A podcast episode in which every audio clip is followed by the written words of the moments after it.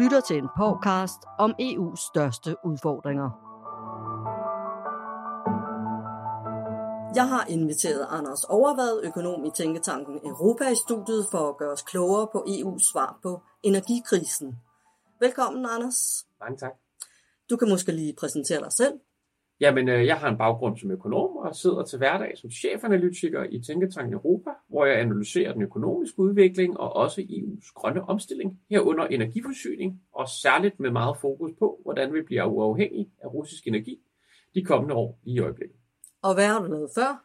Før det, der sad jeg som makroøkonom i Arbejdernes Landsbank, hvor jeg holdt øje med de internationale økonomiske udvikling, både i USA, men også i EU og herhjemme i Danmark. Så har vi det på plads.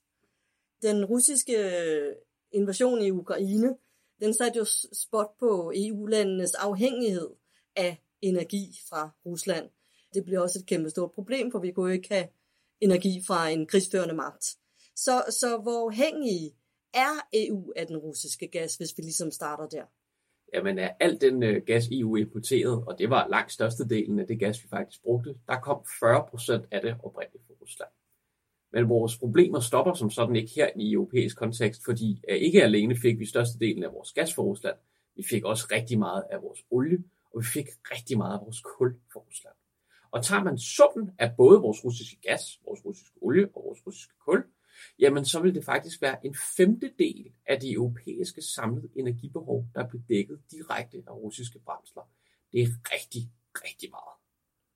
Og det lyder som om, at det kan være svært at komme udenom, men det øh, kommer vi jo alt sammen til. Men der er jo også sådan en forskel på EU-landene. Altså nogle er meget afhængige af gas fra Rusland og alt muligt andet øh, tilførsel, kul og olie, og nogle er ikke så afhængige. Men vi er jo nødt til at være fælles, altså vi er jo nødt til at være det fællesskab, som EU er. Så, øh, så hvordan har EU prøvet at takle de her problemer? Øhm, det er jo noget af det, man har, øh, har haft lidt svært ved, øh, fordi at landenes udgangspunkter er så forskellige. Hvis vi for eksempel tager sådan nogle nordiske lande som Danmark og Sverige, så har vi traditionelt ikke fået så meget af vores øh, energi fra Rusland, øh, fordi det har vi ikke haft behov for. I Danmark har vi selv naturgas, øh, vi har hentet lidt kul fra Rusland, men det har vi jo også været i gang med at fase ud. Øh, tager man syd for grænsen i Tyskland, så har man været meget afhængig af russisk gas. Øh, det har man som sådan også i Italien, og generelt er det sådan, at jo længere østpå du kommer, jo mere og mere afhængig bliver man generelt af russiske brændsler.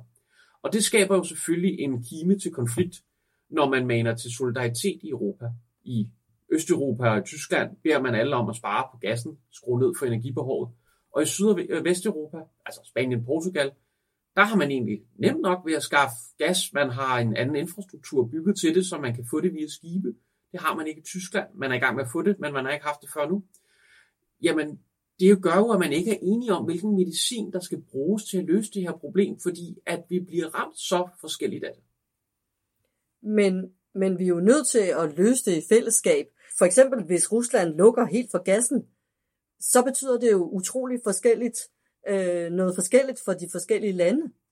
Ja, det, øh, det gør det umiddelbart, men det er jo så heldigt, at man i EU har en musketered, hvor man har svoret, at man vil hjælpe hinanden, så at energi og gas flyder derhen, hvor der er mest behov for den.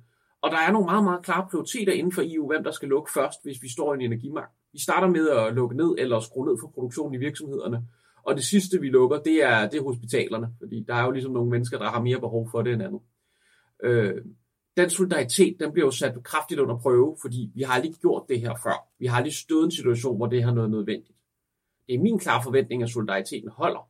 Men ikke derved ikke sagt, at det her det kan politisk blive noget af et mareridt, fordi det er rigtig svært at stå nede i Portugal og forklare dine indbyggere, hvorfor at de skal leve nogle store ofre for at hjælpe nogen op i Tyskland, som hvis vi også lige tager de historiske briller på, 10 år tidligere ikke var villige til at komme med hjælp, da der var noget, der hed eurokrisen. Der fik man jo at vide, at man selv skulle klare det. Så der er altså også måske en næsten slags ondt blod i, øh, i det her forhold, som jo i og for sig også kan spænde ben for den her slags forhandlinger. Så der er mange problemer internt, men, men vi skal jo også finde den energi et andet sted, hvis vi gerne på en eller anden måde vil prøve at komme ud af det her afhængighedsforhold til Rusland. Og det arbejder vi, øh, eller EU jo på. Hvor er det, de vender sig hen? Hvad skal de gøre? Jamen, det er jo til at starte med så gode røde dyre, for hvis vi ser for de massive mængder af energi, vi har fået fra Rusland, så er der noget at arbejde foran. Hvis vi kigger på gas, så er det jo øh, aftaler med sådan noget som Azerbaijan, Katar, øh, Algeriet, Libyen. Det er jo ikke nødvendigvis de rareste lande, vi er nødt til at vende os mod, men da der blev uddelt råstoffer hen over verden, af en eller anden årsag, så var det jo sjældent demokratiske lande, ligesom os selv, med undtagelse af Norge, som endte med de her store ressourcer. Øhm, så lige nu, der er der jo ikke det store valg. Øh, det vi så gør for at undgå, at vi ender i samme situation, at vi nu lægger os ind i magten på øh, noget, der måske bedst kan beskrives som en diktator, i Rusland i hvert fald, det er, at vi sørger for at købe for mange forskellige steder, for netop at sørge for, at hvis der var nogen, der skulle forsøge at afpresse os igen ved at lukke forsyningerne, så er det nemmere at udskifte 5% af dit gasforbrug med 40%. Så vi fordeler pengene mellem de onde, kan vi sige. Netop, og vi er jo også gået i gang med at handle med en masse, der faktisk også ligner os på lidt mere. Kanada, USA og Norge er jo også nogle af dem, der sender rigtig meget energi ind i Europa i øjeblikket. Så de er jo ikke kun nødvendigvis det, man næsten fristes til at kalde slykkelstater. Det er altså også øh, folk, der har et værdisæt, der ligger tættere på vores eget. Så EU-landene, de er jo enige om, at gaslagerne de skal være 80% fyldt i år og 90% til næste år. Det, det virker jo øh, næsten ikke til, at vi kan komme til at nå det. Er det, altså, er det realistisk? Den gode nyhed er, at vi faktisk har nået de 90% allerede i år. Det er øh, blandt andet fordi, at man har været rigtig dygtig til at forhandle aftaler frem med andre lande. Man har så også været villig til at betale for den her gas. Det er jo ikke nogen hemmelighed, at gaspriserne var meget, meget høje i sommer, og det skyldtes jo netop, at vi skulle ud og fange det, der svarer til, ja, øh, den samlede russiske gasleverance lå på 160 milliarder kubikmeter øh, gas. Det er meget, og det skulle erstattes. Det presser jo naturligvis prisen op. Vi har fået lidt hjælp, fordi hen over efteråret, der har der været rigtig varmt vejr i Europa, og det har også hjulpet os til at kunne spare på vores gas. Men set i forhold til målsætningen om, at vi skal have lagerkapacitet nok til at imødegå vinterne, der har EU vist sig virkelig stærke. Men om der er nok gas på, til at vi kan komme igennem vinteren, det er ikke sikkert.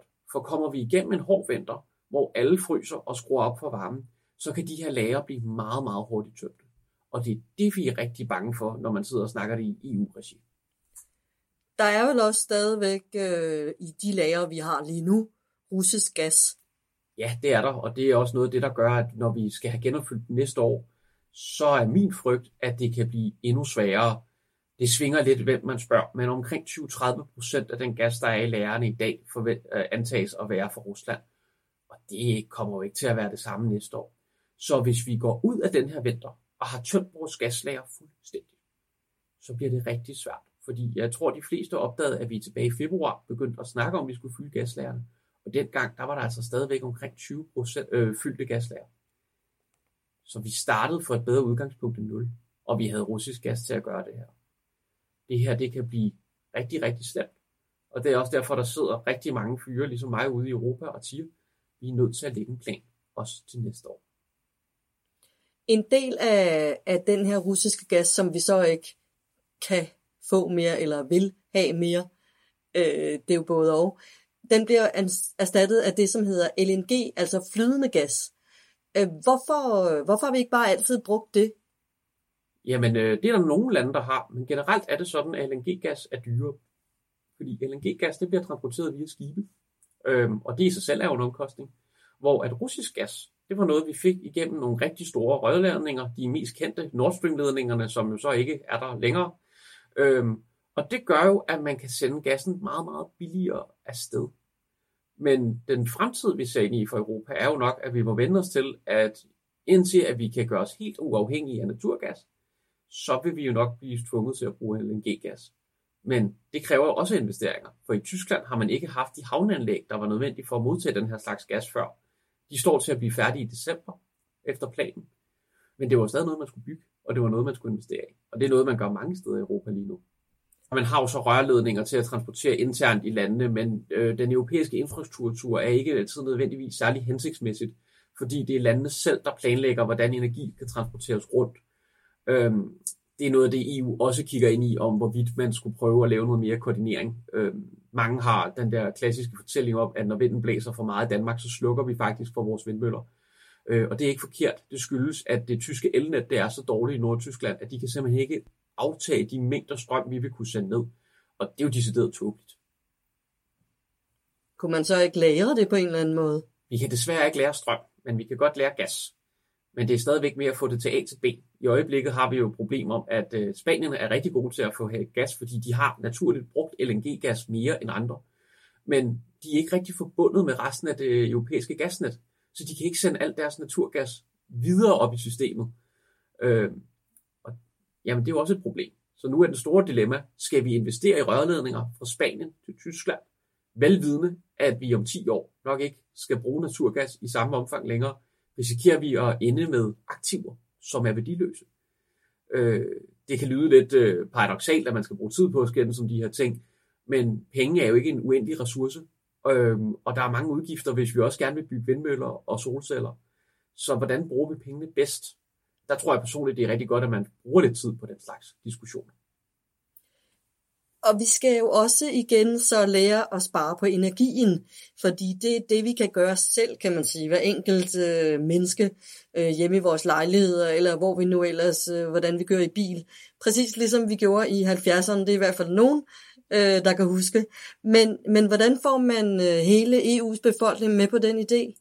Det behøver man nødvendigvis ikke. Man kan svinge den til at gøre det, øh, og det kan man gøre gennem højere priser, fordi det er det, vi ved, der virker.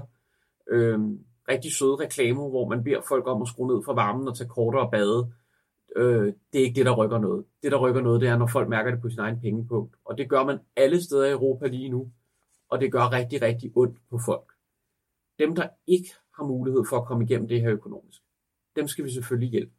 Fordi det er jo ikke dem, der har mindst, der skal bære omkostningen for Putins krig. Men alle os andre, der har penge til at modgå det her, selvom vi synes, det er træls, må nok vende os til, at hvis vi skal rykke ved noget, så skal det også koste os penge. Fordi der vi begynder at tænke over, hvordan vi bruger energi. Og så skal vi jo sørge for for landenes individuelle øh, vedkommende, at man planlægger på, hvordan man kan nedbringe sit energiforbrug mest muligt. Og det kan man blandt andet gøre ved at kigge på sin energiinfrastruktur. Man kan udrulle fjernvarme. Man kan hjælpe industri, industrien med at elektrificere sig. Der er rigtig mange lavt hængende frugter at hente men det kræver koordinering. Og hvis man gør det, og koncentrerer sig om alle de her ting, øh, batter det så noget i den store sammenhæng? Det gør det bestemt, fordi at selvom man kan sige, at vi ikke har været gode til at spare på energien, hvis du kigger på EU's energibehov de sidste 30 år, så er det faktisk ikke steget voldsomt. Det er på trods af, at vores økonomiske aktivitet jo er eksploderet voldsomt over den periode. Så det er muligt at gøre tingene smartere, og producere mere, uden at øge dit energibehov. Men selvfølgelig koster det penge at implementere den her slags løsninger. Trelagsvinduer koster mere end tolagsvinduer, så derfor bliver de jo ofte fravalgt. Tager vi til Østeuropa, så måske etlagsvinduer i virkeligheden mere normalt. Men det er den slags ting, vi skal i gang med. Det koster mere at bygge et energineutralt hus, end det gør at bygge et, der ikke er det. Men jo mere vi kan nedbringe vores energiforbrug, jo nemmere bliver det heldigvis også at komme i mål med den grønne omstilling. Så det vi har her, det er det, jeg kalder det silver bullet. Ikke alene hjælper det på uafhængigheden over for Rusland, men det byder også ind i en helt grøn dagsorden, som er vidende nødvendig, vi kommer i gang med. Og dertil, så vil det på den lange bane også spare os alle sammen penge. Så lige her, der tror jeg faktisk, vi har noget, som politisk bliver svært at stille sig til modstand over. Det store problem det er jo bare, hvem der skal betale for det. Jeg sidder og tænker, hvorfor har vi dog ikke gjort de her ting, som du kalder lavt hængende frugter? Hvorfor har vi ikke gjort det noget før? Øh, simpelthen fordi det ikke har kunne betale sig. Vi har jo væltet i billig energi. Der er jo aldrig nogen af os, der har tænkt over, hvornår vi satte en vaskemaskine, en tørretumbler til en Playstation, og ja, alt hvad man nu kan sige. Det har simpelthen ikke været et fokusområde for os i mange år, fordi vi har vendet os til, at energi var billigt.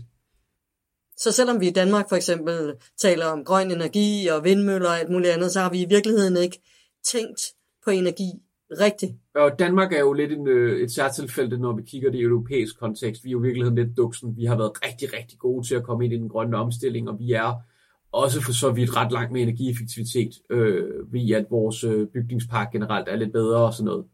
Men, men når vi snakker om det i en EU-kontekst, jamen så er der altså rigtig mange, der ikke er kommet i gang med det her endnu.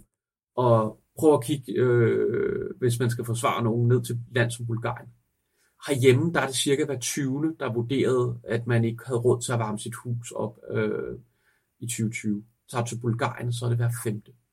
Øh, energifattigdom er langt, langt mere udbredt i øh, andre dele af Europa, og det er det, fordi de er fattigere. Så for dem at skulle til at købe Danfoss termostater, Velux-vinduer, Rockwool, det er jo ikke lige der, man er. Ikke fordi man ikke vil, men fordi man ikke har råd.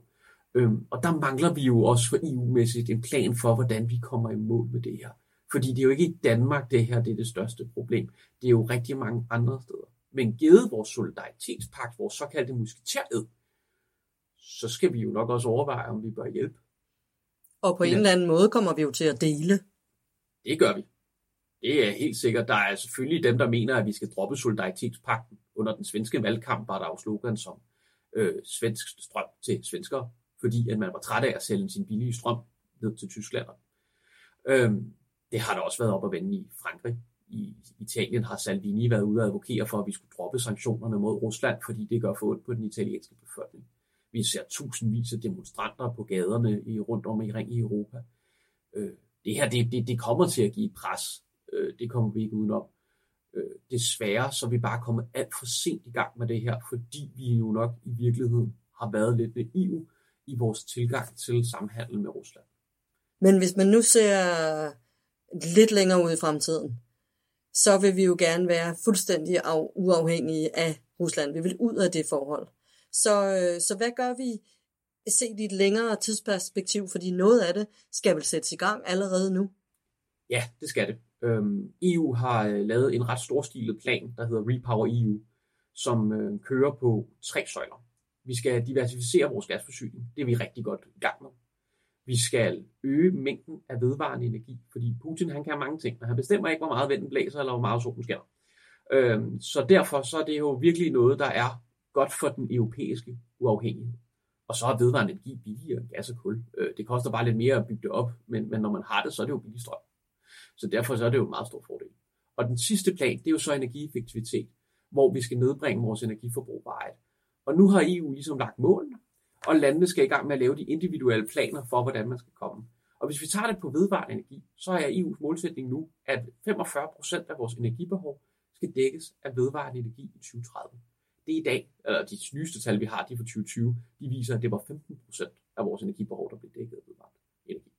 Vi snakker altså om en tredobling på 10 år. Det er hammerne ambitiøst. Muligvis ikke muligt at nå det, men vi skal eddermame med i gang, hvis vi skal have en chance nu, fordi der er mangel på håndværkere, der er mangel på materialer, så vi skal altså også til at koordinere om, hvordan vi bruger vores ressourcer. Det kommer vi altså nok ikke udenom. Men planerne ligger der, og alle er jo heldigvis blevet enige om, at energipolitik er sikkerhedspolitik, og derfor så er vindmøller, grøn strøm, som den tyske øh, finansminister Christian Linder kaldte det, vindvedvarende energi er frihedsenergi. Aldrig har du haft momentum til den grønne omstilling, som du har nu. Så må vi jo bare håbe, at det kan holde ved. Så det er bare om at gribe det, når det er der. Hvis vi nu lige til sidst, her tager de øh, meget dansk nationale briller på, vi har jo været lidt inde på det, men alligevel, fordi hvor står Danmark i den her krise? Jamen, vi står egentlig godt. Vi har masser af vedvarende energi, og vi har jo også en økonomi, der tillader, at vi kan lave hjælpepakker, hvis vi gerne vil, fordi vi har sunde offentlige finanser. Det er heller ikke tilfældet, når vi kigger ud i Europa for resten af medlemslandene, desværre. Øhm, så vi står jo et godt sted. Men vi har jo også forpligtet os til et solidaritetspagt, så vi kan være nok så gode herhjemme. Hvis Tyskland ikke snart kommer i sving, og det er de, de er gået i gang med at spare på gassen, og de gør også, hvad de kan. Øh, jeg synes ikke nødvendigvis, de fører den mest hensigtsmæssige politik, men de prøver. Jamen, hvis Tyskland ikke kan finde ud af det her, så ender vi jo med at sende vores strøm derned. Og så er det jo sådan set ligegyldigt, hvor gode vi selv er. Men kan vi være med til at understøtte den her udvikling i EU, og i virkeligheden måske også gøre det her til et eksporteventyr? Fordi på energieffektivitet, der har vi en lang række danske virksomheder, som er rigtig, rigtig dygtige i de her løsninger. Det er jo noget, vi skal ud og vise resten af Europas lande. Virkemidlerne er der. Vi er også sindssygt dygtige til at lave vedvarende energiløsninger. Løsningerne er der. Så vi skal jo finde en eller anden måde at få det her ud til resten af Europa på. Det lyder lidt som om, at vi er nødt til først øh, at tisse lidt i bukserne for at holde varmen, og så på lang sigt kan vi forhåbentlig øh, ende et sted, hvor vi bliver meget grønnere i hele Europa, end vi er i dag. Er det sådan? Ja, det synes jeg er en god udlægning, fordi at uanset hvordan man vender og drejer det, så får du ikke øh, omkalfrakeret din økonomi fra den ene dag til den anden ved at blive grøn. Øh, den afhængighed, vi har til Rusland med 20% af vores samlede energiforbrug, Det kan du ikke løse på et enkelt år. Det tager altså mod de der 2027, som EU planlægger. Det er et langt sejt træk. Øh, og jo mere vi samarbejder, jo mere vi koordinerer, og jo mere vi tænker det kort og langt sigt sammen, jo mere smerteløst kan vi gøre det for os selv. Men det bliver et sejt træk. Og det er ikke kun i år, det kan blive svært. Det kan det også næste år og næste år igen. Ja, det er en lille smule deprimerende, men der er også optimistiske glimt at få øje på. Tusind tak skal du have, Anders Overvad. Mange tak for invitationen.